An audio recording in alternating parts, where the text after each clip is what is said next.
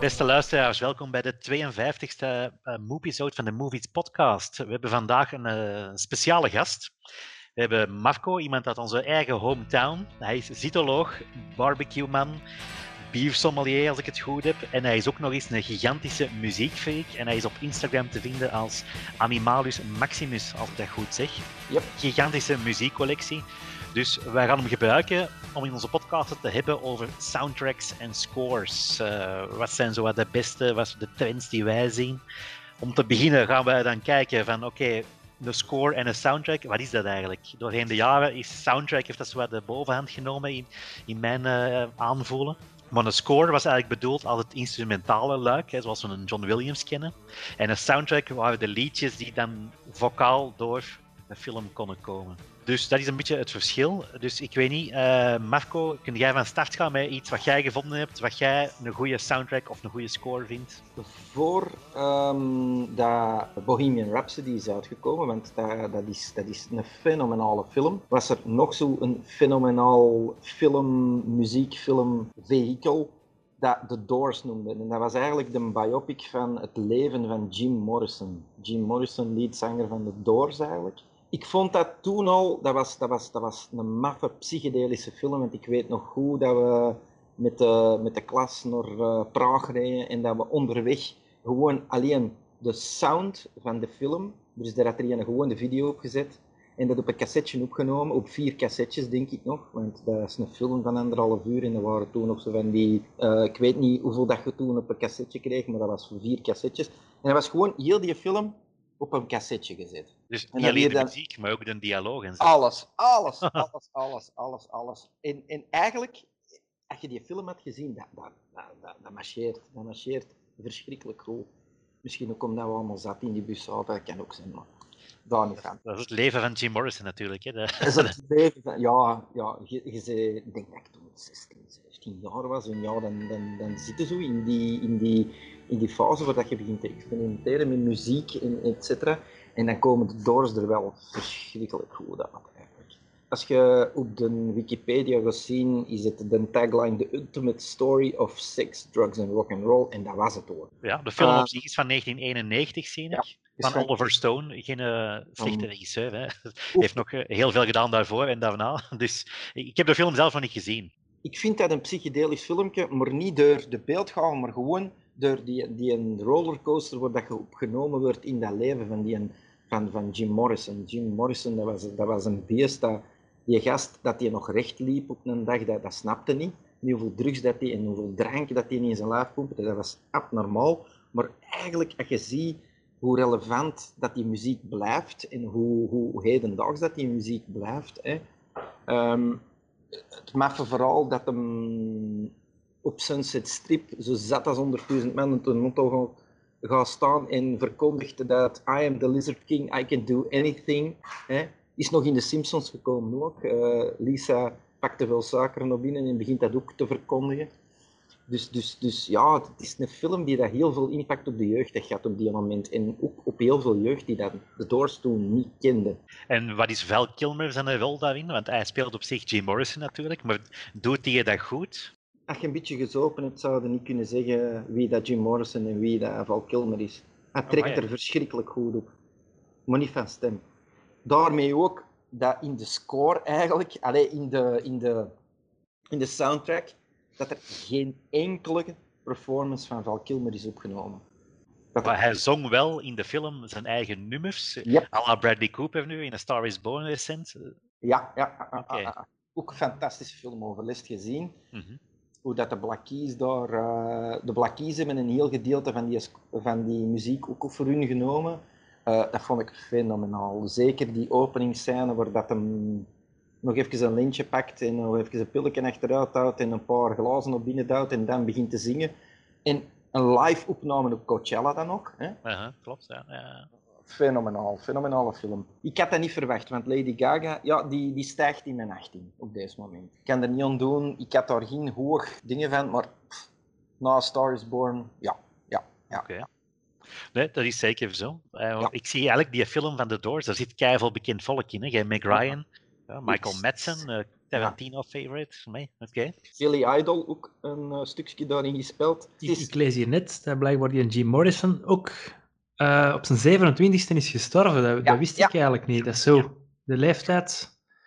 Maar al die mannen. Uh, is hij niet de eerste of is Janis Joplin de eerste? Janis Joplin is. Ja, Jimi Hendrix, hè? Jimi Hendrix. Ah, Jimi Hendrix, ja. ja, ja, ja. Maar, maar eigenlijk, hoe dat, dat op tende in, in, in, in beeld wordt gebracht, want hij sterft eigenlijk in Parijs. In Parijs uh, stikt eigenlijk in zijn, in zijn bad eigenlijk, of, of krijgt een beroerte in zijn bad. En daarom dat hij ook begraven is op Père Lachaise. Hè? Maar eigenlijk de aanloop naar, naar, naar waarom dat hem naar Parijs verhuist, is eigenlijk dat hem zijn uh, Wieter heeft getoond tijdens een concert. Oké. en um, hij werd daarvoor, uh, hij werd daarvoor veroordeeld en hij moet eigenlijk gaan zitten, maar hij komt de borg vrij en meneer vertrekt naar Parijs. Op de soundtrack stond er een fabuleuze versie van Carmina Burama van Orff. En, en die scène is ook, is ook fenomenaal psychedelisch. Dat is eigenlijk, hij, hij werd door een, een, een Wicca-vrouw meegenomen op een, op een persoonlijke orgie. En die, die, die is fantastisch in beeld gebracht. Dat is zoiets van, dat vergeet je nooit. Mm -hmm. en, en eigenlijk, na, na die Carmine Berama van Orff, en ik denk een liedje van de Velvet Underground, is allemaal de Doors. En de opening is ook Jim Morrison, die dat een van zijn, uh, zijn poëzie, van zijn, van zijn gedichten, mm -hmm. terugbrengt. En, en, en, en hij stopt daarin met... Allee, ik kan het niet letterlijk verwoorden, maar hij stopt daarmee van... Denk jij dat uw leven even interessant is voor een film van te maken? En dat is echt door Jim Morrison zelf gezegd. Ja, dus daar begint de film eigenlijk mee. Dat is fenomenaal. Ik vind... Allee, Bohemian Rhapsody staat ook mee op één, maar, maar The Doors, dat is, dat is een fenomenaal grave film. Ja, die moeten we zeker eens zien. Hè. Ook omdat ik zie op de soundtrack ball The End staan, vind ik ook een fantastisch nummer. Hm. Komt ook in Apocalypse Now voor, waar onze vorige podcast over ging. Dus uh, vind ik ja. ook fantastisch hoe dat, dat verhaal is, hoe dat, dat in die film is geraakt van Apocalypse Now. Ze zaten alle twee samen op school, op de filmacademie. Nadien belt Coppola zich, uh, Jim, ik wil dat in mijn film, wat denkt ervan? En die zegt gewoon, doe maar. Uh, no rights, gewoon, zet dat er maar in. This is the end, beautiful friend. This is the end, my de, de, kracht natuurlijk van muziek. Hè. En natuurlijk in zo'n film, gelijk The Doors of Bohemian, ja, dat drijft daarop, hè, op, op, op die, die soundtrack. Hè. is een van mijn favoriete muziekfilms. En heb je ooit, eh, bijvoorbeeld, ik kan nu iets anders aanhalen waar dat ook um, de combinatie gebeurt. Dus songs, maar ook een score onder zit. Dat is bijvoorbeeld Labyrinth, iets helemaal anders. David Bowie uh, werd daarvoor aangetrokken om, om te starren. En die zei gewoon het zijn eigen van, oh, ik zal ik wel een schrijven. En die, die ging weg en die kwam terug met een hele cd vol. En die, ja. had dat opgenomen in zijn eigen studio en met een uh, achtergrondkoortje. En Jim Henson zei van, oei, oei dat, dat, is hier eigenlijk wel goed, dus we gaan dat gebruiken. Maar er was ook nog een, een composer, Trevor Jones, en ze hebben eigenlijk op die soundtrack en in die film dat allemaal wat door elkaar geweven, zodat hij naast elkaar kan staan. Dat vind ik ook heel krachtig dat uiteindelijk ja. een Bowie daar ook wat hitjes uithaalt, maar dat ook die composer die weg wordt geduwd.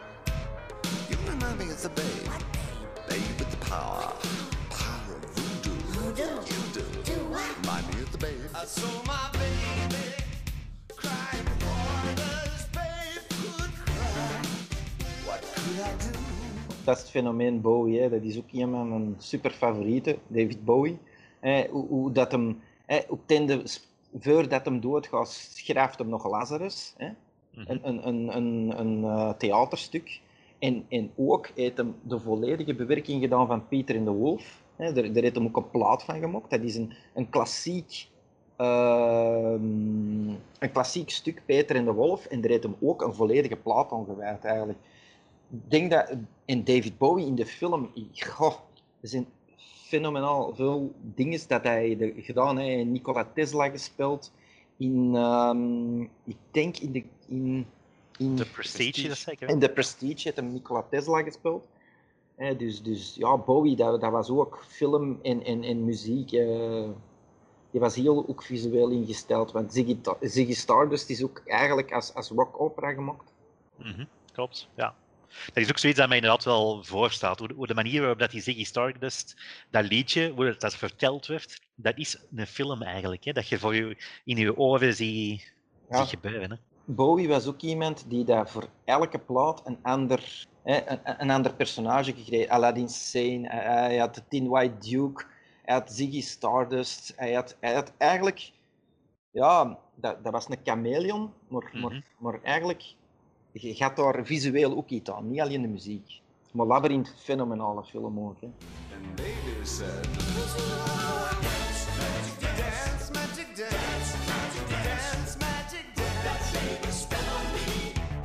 Ja, gewoon ook puur verhaaltechnisch natuurlijk. Hè? Maar ik vind ook gewoon die muziek vind ik heel goed. Dus ik ben al een tijdje nu op zoek naar die LP van die soundtrack, maar dat is niet zo gemakkelijk te vinden. Ik denk dat ik hem hier heb liggen. ik, Dus heb dat, die, dat, dat je hem wegdoet. ik heb de CD in de plaat. Ja, de, de, de CD, daar pas ik voor. Eh, CD's, daar ben ik zo eh, uit. Mijn vrouw heeft de plaat, zegt ze juist. Ja, die is die Ah, eigenlijk voilà. van mijn vrouw. dus ik ben daar nog naar op zoek naar. Dus dat je hem nog eens tegenkomt ergens, eh, laat Ja. zeker weten. Goed, goed, goed.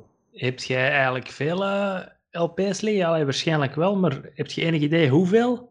976 LP's en 495 CD's.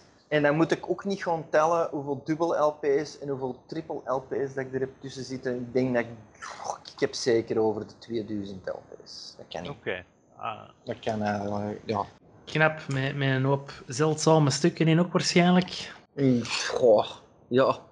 Eh, ik heb een picture disc van Come As You Are, waar dat eigenlijk een eicel op staat met allemaal spermatozoïden rond. Dat is, een, dat is eigenlijk een heel uniek stuk. Ik heb, ik heb een bootleg liggen van Joy Division. Ik heb, ik heb, ik heb, goh, ik heb de, de volledige catalogus van, eh, van Kraftwerk. Er zitten wel een paar grave dingen tussen en ik koop altijd bij. Ik vind nu fenomenaal een tijd voor als je nu een, een platenwinkel binnenstapt, alles komt heruitgegeven. Ik zie zelfs mijn, mijn CD-collectie omzetten in platen, terwijl dat iedereen zijn platencollectie aan het digitaliseren is, zeg ik gewoon volledig de weg terug ontgaan. En wat vinden van die heruitgaves van hè, albums? Van bijvoorbeeld Labyrinth, ik kan die perfect in heruitgave kopen. Hè. Ik kan naar de mediamarkt stappen en ik kan zeggen, ah, hier Labyrinth, nieuwe pressing, eh geef die maar mee. Ja, dan moet, dan moet, dat, hey, als het is van ik wil die versie van toen hebben, ja, dan, dan, dan, dan moet je dat zo doen, dan moet je gewoon zoeken. Maar als het is ik wil die plaat hebben, dan kun je geen beter plaat hebben dan een nieuwe persie. Een plaat is naar alle waarschijnlijkheid gewoon een, een heruitgave van de vorige plaat en dat is van de moederpersie. Allee, Ah, oké. Ja, het is niet dat ze niet- de opgepoetste versie nemen en ze, ze die op een plaat. Ja, maar de opgepoetste versie is de, is de geremasterde versie. En remasters, eh, ik heb liever als er aan een gitaarstring wordt, dat ik zijn nagel erover gaan, dan dat ik gewoon een dul geluid hoor, dat, dat je ergens zo met die remasterde, dat is eigenlijk drie paar oren bijgeven. Hè. Nieuw is niet altijd slecht. En juist, dan haalde Joy Division aan. Dat is ook zo'n band die tot de verbeelding spreekt. Hè. Ehm, daar zijn ook wel wat media uitgekomen, laat ons zeggen, dat dat, dat wat behandelen. Waaronder Ja. Control bijvoorbeeld. Ja, Control, Control, control, you must learn control. dat is eigenlijk mijn favoriete eh, fotograaf. En eigenlijk is dat mijn favoriete fotograaf geworden, omdat hij een- eigenlijk een foto van Joy Division heeft getrokken. En ik heb die foto hier ergens liggen. Dat is een foto van Joy Division die dat eigenlijk eh, in een, eh, een London Tube staan. En eigenlijk heel de band is de, de roltrap aan afgaan. En alleen Ian Curtis draait zijn eigen om en kijkt recht in de lens.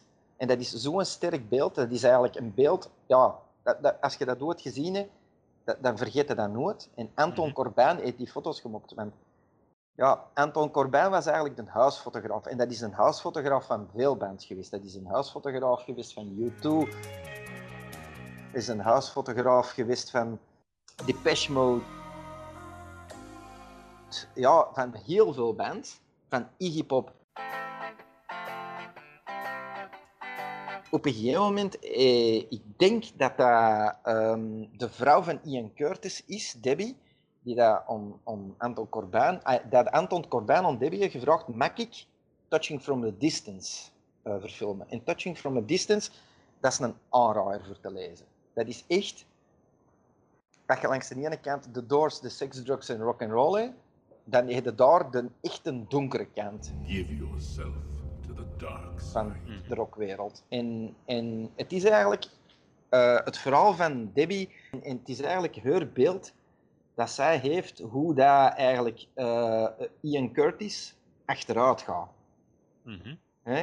Eh, Ian Curtis leed aan, aan, aan epilepsie. En die epilepsie die weer erger en erger en erger.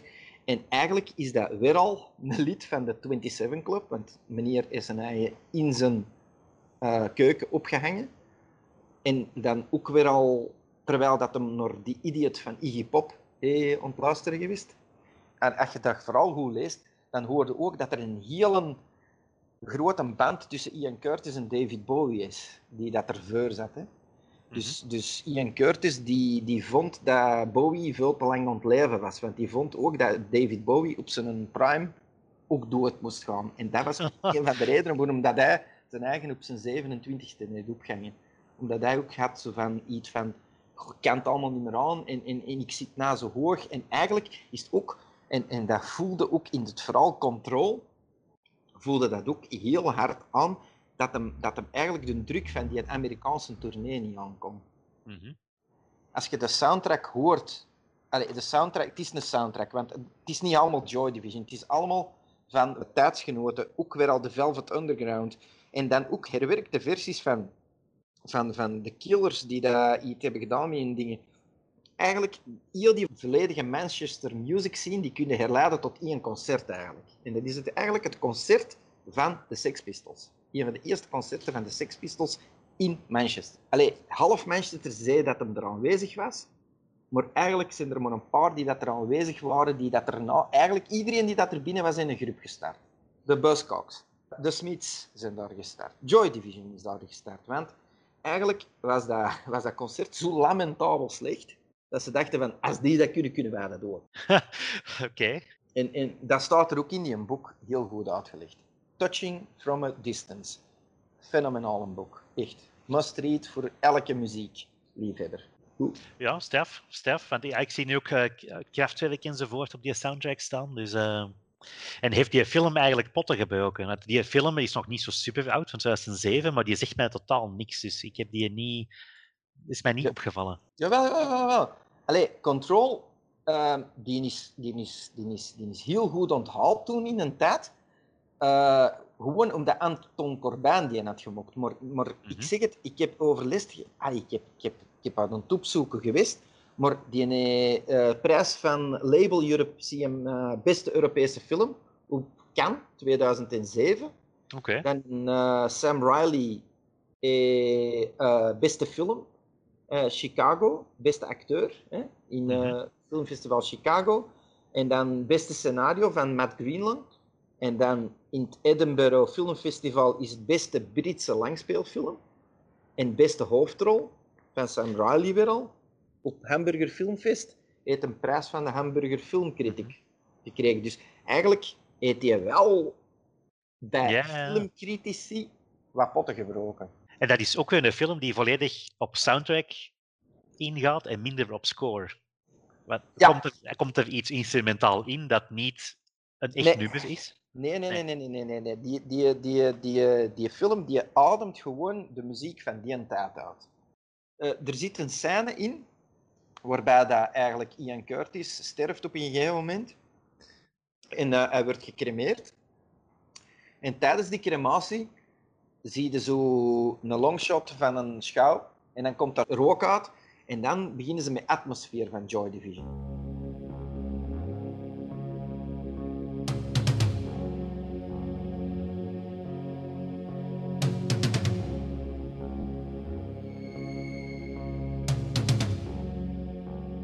Atmosfeer, dat is een herhaling van, van allee, er komt eigenlijk Don't Walk Away in Silence. Hè?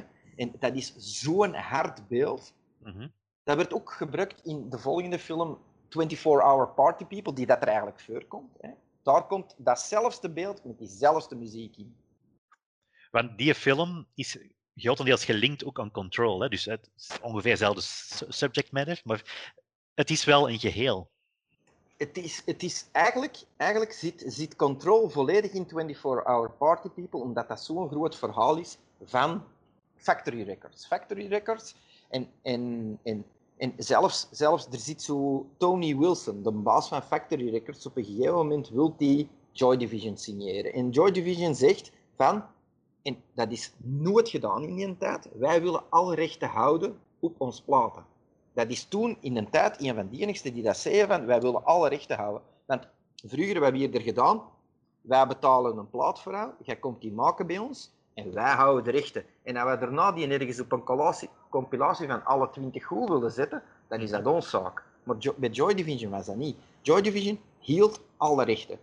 En dat is zo ver gegaan dat Tony Wilson dat in bloed heeft moeten signeren. Dus met zijn eigen bloed. En, mocht en je ziet dat fantastisch in de twee filmen, in 24 Hour Party People en in Control, zie je Tony Wilson echt een, een, een, een snee in zijn vinger maken en daar een bik in doppen of, of, of iets- een schrijfstift. En eigenlijk, dat hem, en ik de- het is, in de ene film schrijft hem het volledig in bloed en in de andere film signeert hem het in bloed. Maar, maar allee, dat beeld is ook zo graaf. Mhm. Hoewel dat 24-hour party people, dat is echt het verhaal van de rise en de fall van Factory Records. En Tony Wilson. Do- Doordat ze zo van die buitensporige dingen deden met, met, hun, ding, met, hun, eh, met hun artiesten, heeft dat ook geen lang leven beschoren gehad. Die hebben heel veel geld erin gestoken.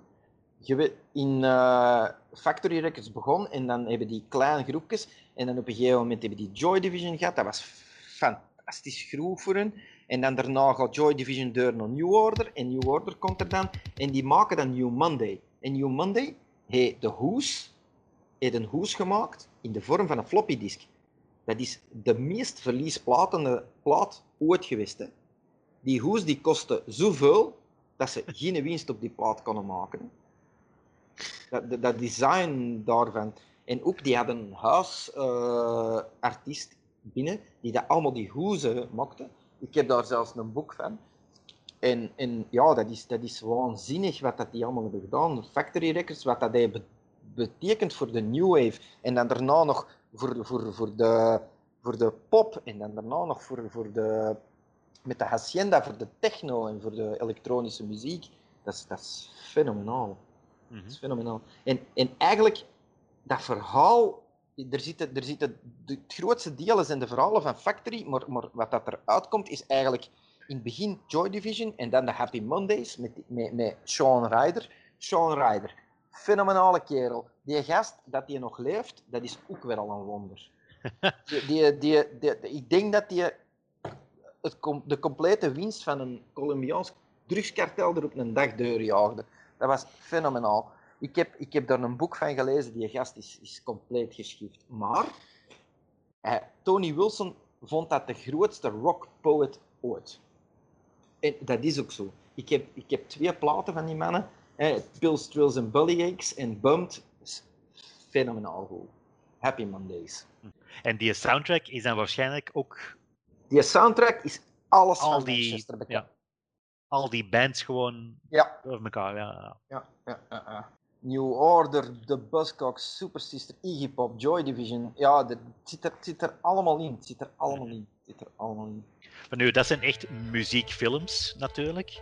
Ehm, je hebt dan ook nog het, luik van films die muziek gebruiken om het, het verhaal wat op gang te brengen. Dat zie je tegenwoordig zo meer en meer in films die, die wat luchtiger zijn en die dan muziek gebruiken. En, en Norman Greenbaum, Spirit in the Sky, is dan meestal wel bij.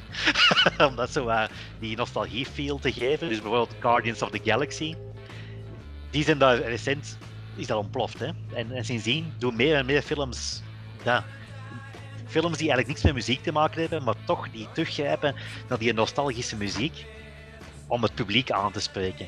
En bijvoorbeeld bij Guardians hebben dan de, de scoremaker, ehm Tyler Bates en die wordt eigenlijk volledig vergeten. Je hebt wel een uitgave van de LP en de CD waar dat ook bij zit, maar no one cares, want iedereen wil die, die, eh, die muziek en, en dan die, die oudere tracks horen. Dus ik vind wel dat dat meer en meer nu nog aan voren geschoven wordt. Was dat, was dat vroeger ook al niet? Je Tarantino of zo, die steekt toch ook superveel muziek in zijn films. Scorsese, dat is veel Rolling Stones en zo, maar op zich is dat, is dat altijd wel. Misschien is dat nu, voor ons valt dat iets harder op misschien. Ja, ik, Omdat ik we heb wat indruk dat wij zo maar in een, in een tijd zitten dat dat terug dan begint te komen. Want vroeger met een Gladiator of zo, dan was dat minder. Ja, in Gladiator kun je natuurlijk moeilijk... eh, weet Ja, ik, bijvoorbeeld eh, Jurassic Park, Gladiator uit die periode. Ja, Titanic is dan een uitzondering door onze Celine. Ho- hoewel dat er, dat er in België toen wel iets is uitgekomen, dat noemde Anyway the Wind Blows, van eh, Tom Ja. Barman. En die, die score is dan weer al, dat ademt dan weer al puur de nostalgie van, van de Antwerpse discotheken uit. Hè. Mhm. Als je ziet, Max Berlin, Toy zit daarin, ja, dat is... Dat is en, en dat vond ik ook wel, dat vond ik ook zo'n film van, wow, die soundtrack. Mhm. Iedereen weet niet hoe dat Anyway the Wind Blows is, maar iedereen weet wel de soundtrack van Anyway the Wind Blows. En je weet ook wie die gemaakt heeft. Ja, ja, voilà. Dat is weer aan de muzikant die dat zijn eigen waagt aan, aan, aan, aan, een, aan een filmprojectje. Ik vond, ja, het verhaal is wel cool, hoewel een klein beetje dun. Hè, die windman die daar zo wat door Antwerpen... Het was wel leuk, maar, maar die soundtrack, dat, dat, dat is mij altijd bijgebleven. De film de soundtrack wel.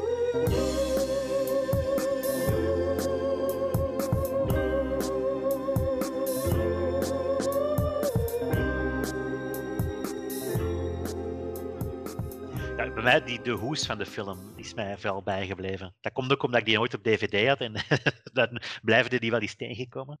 Ja, ja, ja, dat is, dat is, ja. Dat dat veel, ik vond dat dat veel weg, weg had van Fell of the Floor Man, eh, eigenlijk, eh, die hoes. eh. Mhm.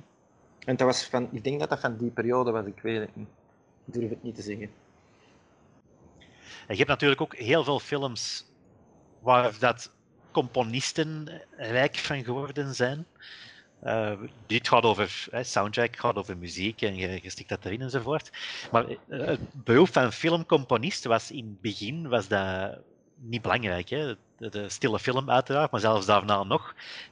Dat was maar gewoon een, een muziekje dat eronder moest komen. Hè? Maar, maar, maar, maar wat ik zo graag vond om de stille film, is dat er toen in een tijd wel een pianist aanwezig was. Hè? Ja, maar dat was meer voor een sfeer te scheppen. Hè? Ja, maar, maar, maar, maar, hoe zou dat, zou dat niet graaf zijn dat je na nog een film hebt waar dat van voor gewoon iemand met, met een partituur staat en die begint...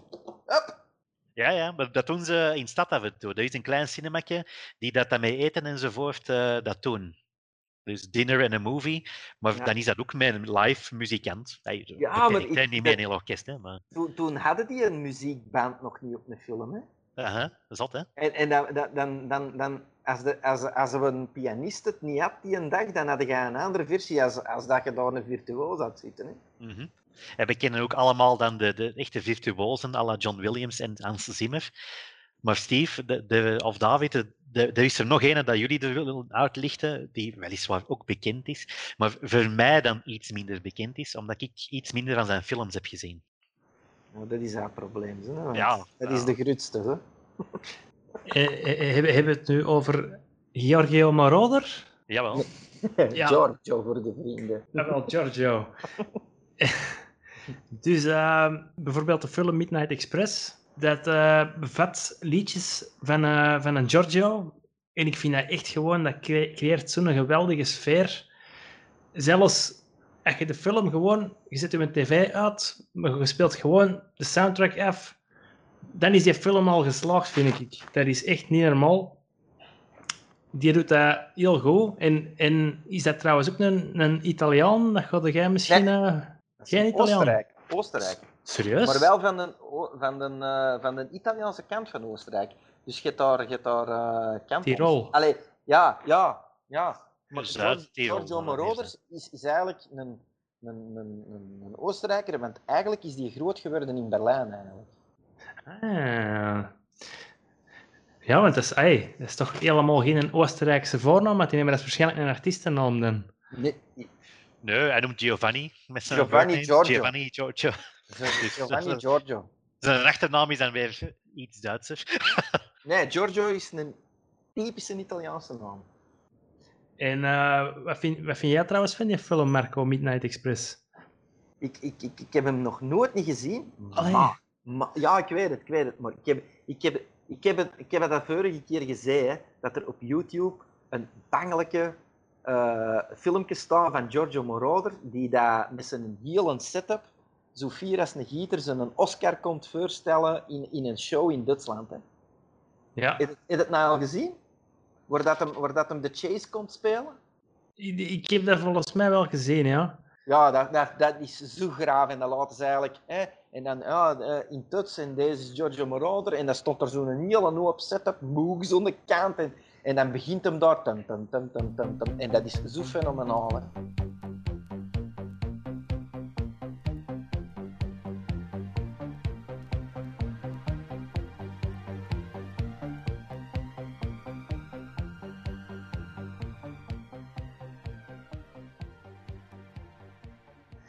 Ja, dat, dat Midnight zeker, Express heb ik niet gezien.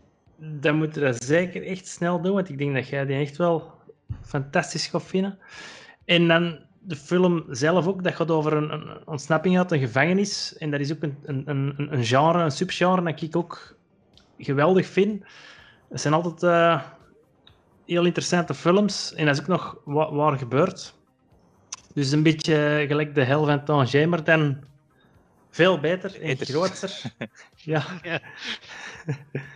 Zeg trouwens, Maarten, jij zegt juist Giorgio Moroder, ik ben, ik ben niet zo vertrouwd met zijn werk, maar volgens mij weten dat gewoon niet, want die mensen die heeft echt wel gewoon, gelijk Flashdance en zo, Irene Kerr, dat heeft hij ook allemaal geschreven, dus het is Ja. wel, je gaat Ah, daar ja. zeker nummers en- van kennen.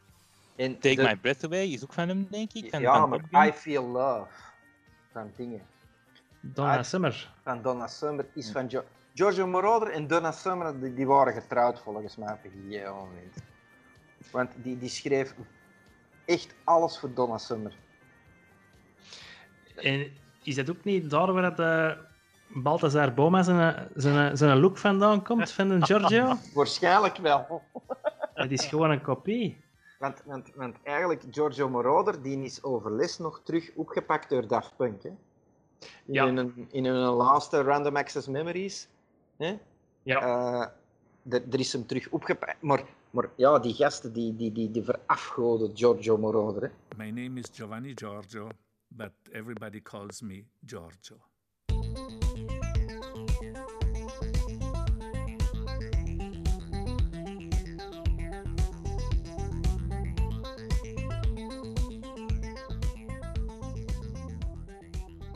Terecht. Ik moet nou wel zeggen, ik heb onlangs voor de eerste keer, dat is heel straf, de Neverending Story gezien. Ja, Ik denk een paar weken geleden. En dat, die, die, die, main team, die title track, ik vond dat een verschrikkelijk nummer. allee, Dat nummer, de Neverending Story, ja, dat, is, dat was een, ik vond een draak van een nummer. Echt waar. Seizoen 2 van... Nee, seizoen 3 van... eh, hoe heet het er? Van Stranger Things. Op een gegeven moment beginnen ze daar gewoon de Neverending Story te zien. Fenomenaal stuk. Echt. Stranger Nee, Things, dat is, zo'n dat is ook zo'n dat is ook zo'n eh, een serie die, die ademt gewoon jaren 80 uit. En, en, en er steekt echt zo twee kinderen die dat tegen elkaar de Neverending Story beginnen te zien. Dat is, dat is, eh, ik krijg er kiekenvel van, effectief. Klopt, die, die, die 80s sfeer is, is zit daar echt heel goed in. Hè. En dat beginnen ze nu ook wel meer en meer te kopiëren, heb ik de indruk, in, in, in, in, in, in films en series. Ja, om, gewoon omdat dat werkt. Hè. De, de mensen zien dat graag. en horen dat graag. Nu, die en Giorgio Moroder, om terug te komen op onze stille film, natuurlijk, eh, die is geboren in 1940, dus hij heeft de originele film niet meegemaakt. Maar Metropolis, van onze goede vriend Frits Lang, heeft hij ook een restoration in de jaren 80 eh, van gescoord. Dus zo kan het ook, hè, dat je gewoon zeggen van oké, die stille film, ik zet daar even mijn eigen muziek onder. Ja, en dat is ook de enigste versie van Metropolis dat ik kan, kan zien, want die, echt die stille films, daar denk ik zelf niet zo'n eh, fan van. Ja, dat is iets heel anders om te kijken. Hè. Dus dat moeten we misschien met een pianist gaan zien. Hè? Ah, wel, het is, dat. En wat heeft die een Giorgio nog allemaal eh, uitgestoken? Ja, want inderdaad, we hebben er juist al gezegd van oké, eh, Top Gun, Take My Breath Scarface. Away. Push it to the limit in Scarface. Dat vind ik wel heerlijk. Echt waar. Ja. Ja, ja, ja, ja, dat is juist.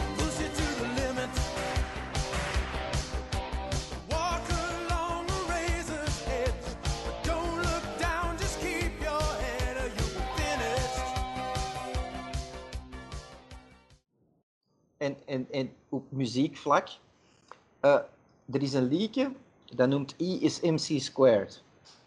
En dat moet eens tot einde luisteren. Dat is graaf. Op een gegeven moment horen een sequencer gaan en dan begint hem gewoon in een vocoder stemmetje iedereen te bedanken. Tot op het einde de koffiedame toe. Dus- Eh, oké. I is MC squared. Bangelijk van, van, van, Ja? van eh, Giorgio Moroder. Zie overlist. dat Harold Faltermeyer ermee tussen zit. Dat dat Ja. zijn protégé was. Die kennen we natuurlijk van eh, Beverly Hills Cop, onder andere. Oeh. En de originele Battlestar Galactica ook.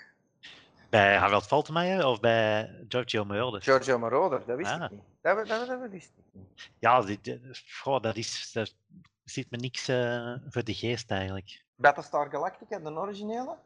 Ik heb dat gezien, hè, maar die muziek is mij niet bijgebleven. Nee, maar ja, die, die die een ademde toen, die een, die een discotijd had, hè, die gast. En eigenlijk, eigenlijk werd hem ook aanzien als een van de grondleggers van een disco, hè, van, de, van dat ritme, van, van, die, van, die, eh, van het gebruik te maken van die synthesizers. Hij had ook zo hetzelfde gelijk krachtwerk van, ja, dat geluid hadden wel in, in, in analoog, maar, maar ik kan dat ook digitaal maken. Diezelfde regelneverij van, van ik ga dat geluidje pakken en ik ga dat zo doen en dat ga ik digitaal doen en dat moet perfect zijn, dat deed ook Daft Punk. En daarom dat die zo fan zijn van, Ja. van hem als van grondlegger.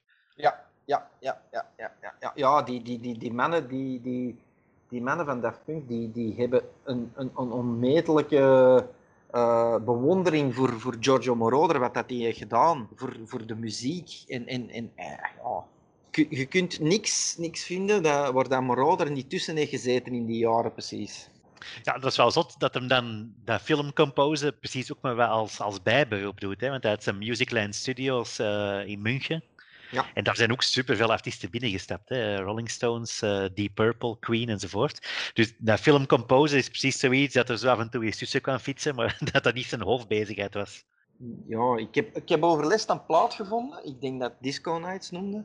En er staat een, een versie van Giorgio Moroder die dat... Ik weet nog niet meer de zanger is, maar eh Je t'aime moi non plus hem Mhm. aangepakt. Dat is fenomenaal. Dat is gewoon zo'n 12 inch dat er bij die plaat bij zit. En dat is, dat is ja, dat is, dat is bangelijk gewoon. Oké. Nu, ik zie ook dat hij met de official team song van de FIFA World Cup heeft, heeft eh, ge- gecomposed. Dus dat telt maar niet echt als, als soundtrack, maar hij is van alle markten thuis.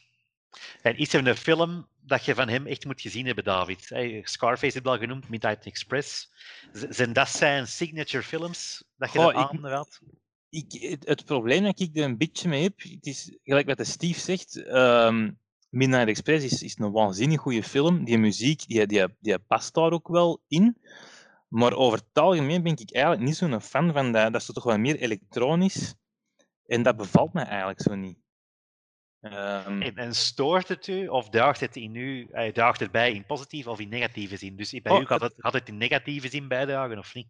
het, het moet vooral passen. En dat is, nou, dat is nou geen muziek van hem, maar ehm, in ehm, Lady Hawk, fantasyfilm uit 1985, soundtrack van Alan Parsons Project, ook zo elektronisch, dat past voor mij totaal niet bij een fantasyfilm.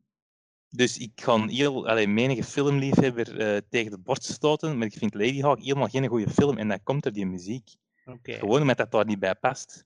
Dus ik ben eigenlijk meer een fan van de, van de zware instrumentale scores à la John Williams voor Star Wars of, of E.T. of zo, dan zo dat iets meer elektronisch popmuziek-achtig gedoe.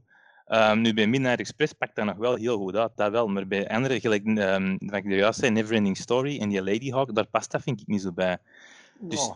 Ik ben daar dan minder fan van, maar dat is inderdaad, dat is mijn mening. Ik weet dat het waarschijnlijk niet de populaire mening is, maar toch. Dus eh, als, ik, als je één film moet zien, ja, dan zou het, vind ik wel Midnight Express zijn, dat zeker wel. Oké. Dus jij vindt dat elektronisch... eh, Ja, dan, dan, dan gaan we even, dan gaan we even fire. Ik ga één ding, ik ga één ding laten zien. Hè? Hier, hier, hier vind ik dat elektronische muziek wel op zijn plaats is. Dat is in Dat is te lang geleden dat ik die gezien heb. Ik weet wel nog dat Daft Punk de muziek in de tweede heeft gedaan. Dat is me wel bijgebleven. Maar de originele Tron, dat is 20 jaar De- geleden dat ik die gezien heb. Denk ik. Originele, de originele Tron, daar is de score gemokt door ehm, Wendy Carlos, door Walter Carlos. Hè. Heeft een beetje geswitcht. Hè. Eh, en, en eigenlijk, ik heb daarover les een documentaire van gezien van die Wendy Carlos. Dat, dat, dat, dat, dat was ook weer al zo een, een regelneverke van ja, en als ik daar de delay op draai en daar een beetje terugdraai, dan kan ik uit mijn Moog modulator kan ik daar een xylofoon uit krijgen. En, en, en dat is dezelfde ethiek dat Giorgio Moroder had en dat is dezelfde ethiek dat Daft Punk had. Want Daft Punk heeft dan ook nog de score gemokt van Legacy, Mhm. eh, de, de opvolger eigenlijk eh, van, van Tron, Tron, Tron Legacy. En eigenlijk vond ik dat ook een verhaal dat, dat, dat 100% volgde erop. Mhm. Er zijn niet veel. eh, eigenlijk, Tron was nooit bedoeld dat er een dingen op kwam, dat er een vervolg op kwam. Want eigenlijk is, was dat niet hard onthaald toen in het begin. Dat is pas daarna een cultfilm geworden, Tron. Was ook Eh. iets zeer abstract in die tijd. Hè? Ja, dat was iets zeer abstract. En met, met hun middelen en met hun doen en de Walt Disney Studios, die dat toen, toen, toen zo'n film hebben gemokt, dat was, dat was eigenlijk vreemde eend in de bijt hè, voor de Walt Disney Studios. Voor zoiets te maken. hè. Dat was inderdaad hun periode dat ze wat experimenteerden met zoiets. Hè. En ze zijn ook Dat- bijna failliet gegaan daaraan. Dat is waar, maar, maar, maar Wendy Carlos en, en ik denk dat dan de London Philharmonic, plus dan nog eens Journey, die dat we kennen van dat gedrocht van Don't Stop Believing. Hè. Heerlijk Eh, nummer. Daar is een David Oh, een grote fan van. Ja, absoluut. Oh, van. Journey. Echt waar. Hè, Journey, Journey. En eigenlijk, eigenlijk, eigenlijk heb ik gelezen dat Journey, dat nummer van Journey erop staat, is omdat Wendy Carlos haar teamsong kwijt was. Die speelde precies wel wat meer kwijt, die Windy. Die was één liedje kwijt en de Disney Studios hadden die kwijt gedaan. En dan hebben ze nog rap rap Journey gevraagd voor daar nog een stuk voor te schrijven. Hè. Dat mocht die film zoveel beter. Hè? Eh, ehm, klein wistje datje, Lis Berger, die een heeft van eh Kozinski, eigenlijk de, eh, de director van Legacy, ook een cameo gekregen in Legacy. En die speelt daar een bartender in, in de end of the line discotheek. En dat is eigenlijk de discotheek waar dat eigenlijk ook een cameo van Daft Punk in komt. Dus Daft Punk maakt eigenlijk, eigenlijk op een gegeven moment zit Lisberger, eh nee, Kozinski eh, in, in Hollywood met Daft Punk aan tafel. En eigenlijk wat doet Daft Punk? Die doet hetzelfde gelijk dat David Bowie zegt tegen, tegen hoe noemt hem daar? Jim van Henson. Jim Henson. Die zeggen hetzelfde van, laat ons maar doen. En betrekt ons gewoon bij de productie van die film en wij zullen wel zien hè, dat we een soundtrack maken. En die maken daar, een, ik vind dat een fenomenale soundtrack.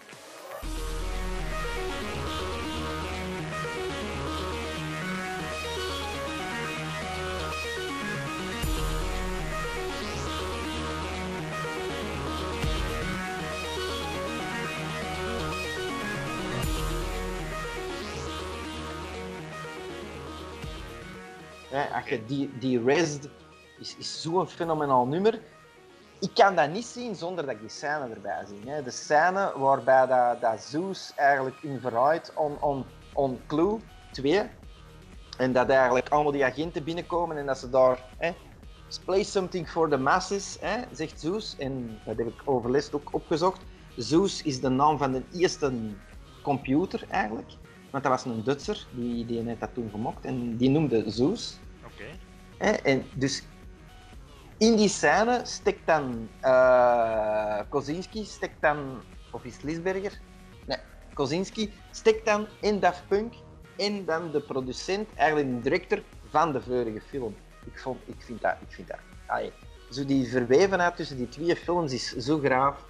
Zeker met Jeff Bridges die dan in de twee, in de twee films meespeelt. En, en, en eigenlijk, ik vind dat een graaf verhaal. Hoewel dat ten eerste een Tron, dat ziet er voor deze tijd niet uit. Hè. Nee, dat is ook het cultgegeven natuurlijk. Aan- Dat is ook het eh, cultgegeven. verhaal. hè. Nu ja, Tron Legacy, eh, qua muziek is dat goed ontvangen, maar qua film is dat ook weer niet fantastisch gebleken. Hè? Dus ik weet niet, gaan ze er ooit nog iets mee doen, denk je, met Tron? Ja, dat dacht ik met de vorige Tron ook niet. Nee, ja, ik denk als er nu nog iets komt, is het misschien een, serie of zo, dat, dat, dat Disney Plus gelanceerd wordt. Er is een serie, hè. Oké, en is is die een- oké? of Anim- animated, hè. dat is een Tron Uprising? Ja, Ja. zeker. Ja. Ja. Hmm, Ja, dat is ook goed. Ja, dat is dat verhaal. Ja, ik, ik, vind die, ik vind dat een plezante wereld. Je moet daarin zitten. Hè. Mhm. Dat is gelijk, gelijk, gelijk. Laat iemand de Mandalorian zien en die heeft niks gezien van ervoor, die, die gaat dat ook niet snappen. Hè? Nee, dat hebben we gezien op de Golden Globes nu. Hè. Ja, maar, maar dat, dat spreekt over Star Wars eigenlijk. Hè. Star Wars, dat universum, dat is zo groot. Iedereen heeft ooit wel een Star Wars gezien. Hè. Mhm. Ik vond die, eh die een Tron Legacy eigenlijk wel een hele goede sequel. Plus die, eh, die, die aging technologie dat daarin gebruikt wordt om eh, Jeff Bridges te maken. Jonger te maken. Ik vind dat daar ook waanzinnig goed gelukt. En dat is een film van 2010. Dat ze dat toen al konden. Dat was echt sterk. En ja, ik hoop dat ze hun trilogie ooit afmaken, want er zijn echt wel plannen voor een derde film, maar het, het, het, ai, Jeff Bridges, zijn brug, die blijft niet, eh, niet staan. Hè. Hoe oud is die mens al? Ja, die is 71 jaar of zo. de- dus ja, valt- dat is ja. inderdaad, ja, dat valt mee en dat valt ook niet mee. Hè. En Dan is dat met je zijn zoon of kleinzoon, hè, gelijk in Jumanji. Hè, dan, eh. Ja, maar Ja, ja, eigenlijk, ja. eigenlijk moet Jeff Bridges nog een dingen maken, hè, een Bowski maken. Hè. Ja, eigenlijk wel. Eigenlijk, Dat eigenlijk moet hem nog een Big Lebowski maken. Hè. En Dus dan moet hem kiezen hè, op zijn 71 jaar. ja. En dat klopt toch wat ik zeg, dat die Big Lebowski toch een klein beetje een Tarantino-stijl heeft, hè? Die film. ja, ja. Het zou ja, zo'n film ja. van hem kunnen zijn, Ja, ja, ja, ja, zeker. Dat is inderdaad in hetzelfde bedje. Hè. Dat is ook van de Coen Brothers. Hè. Ja. Dus dat is inderdaad dat is ook een, een speciaal type film. Hè. De eerste keer dat ik die zag, vond ik die maar niks, maar it grew on me. Dat, dat, dat- er zit ook, die muziek zit daar heel, ook heel schoon in beweven, ge- verweven. Hè. In die, in die Big Lebowski. Hè. Mhm. Credence, ja, Credence. Of, of, of die, die, die Valkyrie-scene op die bowlingbaan, die, die, die, die, die blijft mij altijd bij. Hè. Met die Valkyrie, dat hem, dat hem daar bowlen is, dat is, dat is, dat is fenomenaal. Dat beeld dat blijft mij altijd bij. Ja, misschien eh, een, een Netflix-exclusive film of zo. Ja, zoiets tegenwoordig moet dat wel kunnen, denk ik. Ik Ja. denk van zeker van, van, van zo'n films moet, moet dat wel lukken. Maar moeten we daar niet gewoon van afblijven? Ook niet? Ik weet het niet. Eigenlijk, eigenlijk je, je- ja, eigenlijk, eigenlijk heb je gelijk. Hè? Als je iets om Big Lebowski gaat doen, was het vooral niet volledig verteld op het einde. Ik vond dat wel. Ik denk ook, want er kwam wel een spin-off van die dingen, hè? Van die Jesus, niet? Jesus. Ja. Daar heb ik al een tijd niks meer over gehoord, maar die kwam er inderdaad. Ja. Dus, eh, maar ik weet ook niet wat je daarmee staat, inderdaad. Dat zal zo wat in development hell gerokt zijn, zeker. Want daar is al jaren sprake van. Maar ik dacht inderdaad dat het er wel zat aan te komen. Dat was John Turturro zeker. Dat is Ja. Maar, eh, dus eigenlijk daarin, die, die film, hè, die is... Ja, ik ben hier aan het zien. Goh, de- hij is gereleased. Het was een box office bomb. En received negative critics. ah, echt? Oei. Dus ja, februari vorig jaar, net voor de corona. Dus ja, eh, niemand had ervan gehoord, want het was corona. Hè. Ah, Oké. Ja, nee. Een klein wistje datje. De volledige naam van Giorgio Moroder, Hans Jurg Moroder. En Giorgio nog- Giovanni komt er dan niet meer tussen? Of, eh? Nee, nee. Hans Jurg Moroder. Nee, hebben wij nog iets te zeggen? Want anders kunnen we hier wel affilmen. Dan denk ik, denk ik dat we aan drie kwartier tot een uur komen. Jot. Dat gezellig. Bedankt voor het luisteren. Marco, bedankt om de gast te zijn. En eh, ja, eh, tot de volgende keer allemaal. Bye bye. Ja, bedankt. Salut. Peace.